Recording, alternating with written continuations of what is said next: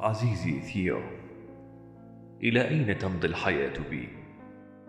ما الذي يصنعه العقل بنا؟ إنه يفقد الأشياء بهجتها ويقودنا نحو الكآبة إنني أتعفن مللا لولا رشتي وألواني هذه أعيد بها خلق الأشياء من جديد كل الأشياء تغدو باردة وباهتة بعدما يطأها الزمن ماذا أصنع؟ أريد أن أبتكر خطوطا وألوانا جديدة غير تلك التي يتعثر بصرنا بها كل يوم. كل الألوان القديمة لها بريق حزين في قلبي. هل هي كذلك في الطبيعة؟ أم أن عيني مريضتان؟ ها أنا أعيد رسمها كما أقدح النار الكامنة فيها. في قلب المأساة ثمة خطوط من البهجة. أريد لألواني أن تظهرها. في حقول الغربان وسنابل القمح بأعناقها الملوية وحتى حذاء الفلاح الذي يرشح بؤسا ثمة فرح ما أريد أن أقبض عليه بواسطة اللون والحركة. للأشياء القبيحة خصوصية فنية قد لا نجدها في الأشياء الجميلة وعين الفنان لا تخطئ ذلك. اليوم رسمت صورتي الشخصية ففي كل صباح عندما أنظر إلى المرآة أقول لنفسي أيها الوجه المكرر يا وجه فينسنت القبيح لماذا لا تتجدد؟ أبصق في المرآة وأخرج. واليوم قمت بتشكيل وجهي من جديد لا كما أرادته الطبيعة بل كما أريده أن يكون.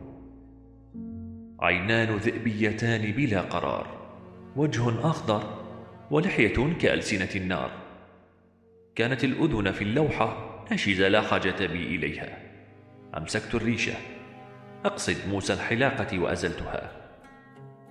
يظهر أن الأمر اختلط علي بين رأسي خارج اللوحة وداخلها حسنا ماذا سأفعل بتلك الكتلة اللحمية؟ أرسلتها إلى المرأة التي لم تعرف قيمتي وظننت أني أحبها. لا بأس. فلتجتمع الزوائد مع بعضها. إليك أذني أيتها المرأة الثرثارة. تحدثي إليها. الآن أستطيع أن أسمع وأرى بأصابعي. بل أن إصبع السادس الريشة لا تستطيع أكثر من ذلك. إنها ترقص وتداعب بشرة اللوحة. أجلس متأملا. لقد شاخ العالم وكثرت تجاعيده. وبدأ وجه اللوحة يسترخي أكثر. آه يا إلهي. ماذا باستطاعتي أن أفعل قبل أن يهبط الليل فوق برج الروح؟ الفرشاة الألوان وبسرعة أتداركه. ضربات مستقيمة وقصيرة حادة ورشيقة. ألوان واضحة وبدائية. أصفر أزرق أحمر. أريد أن أعيد الأشياء إلى عفويتها. كما لو أن العالم قد خرج توا من بيضته الكونية الأولى. ما زلت أذكر كان الوقت غسقا أو ما بعد الغسق وقبل الفجر. اللون الليلكي يعبر عن الليل يبلل خط الأفق. آه من رعشة الليلكي. عندما كنا نخرج إلى البستان لنسرق التوت البري كنت مستقرا في جوف الشجرة أراقب دودة خضراء وصفراء. بينما أرسولا الأكثر شقاوة تقفز بابتهاج بين الأغصان وفجأة اختل توازنها وهوت. ارتعش صدري قبل أن تتعلق بعنقي مستنجدة. ضممتها إلي وهي تتنفس مثل ظبي مذعور. ولما تناءت عني كانت حبة توت قد تركت رحيقها الليلكي على بياض قميصي منذ ذلك اليوم عندما كنت في الثانية عشرة وأنا أحس بأن سعادة ستغمرني لو أن ثقبا ليلكيا انفتح في صدري ليتدفق البياض.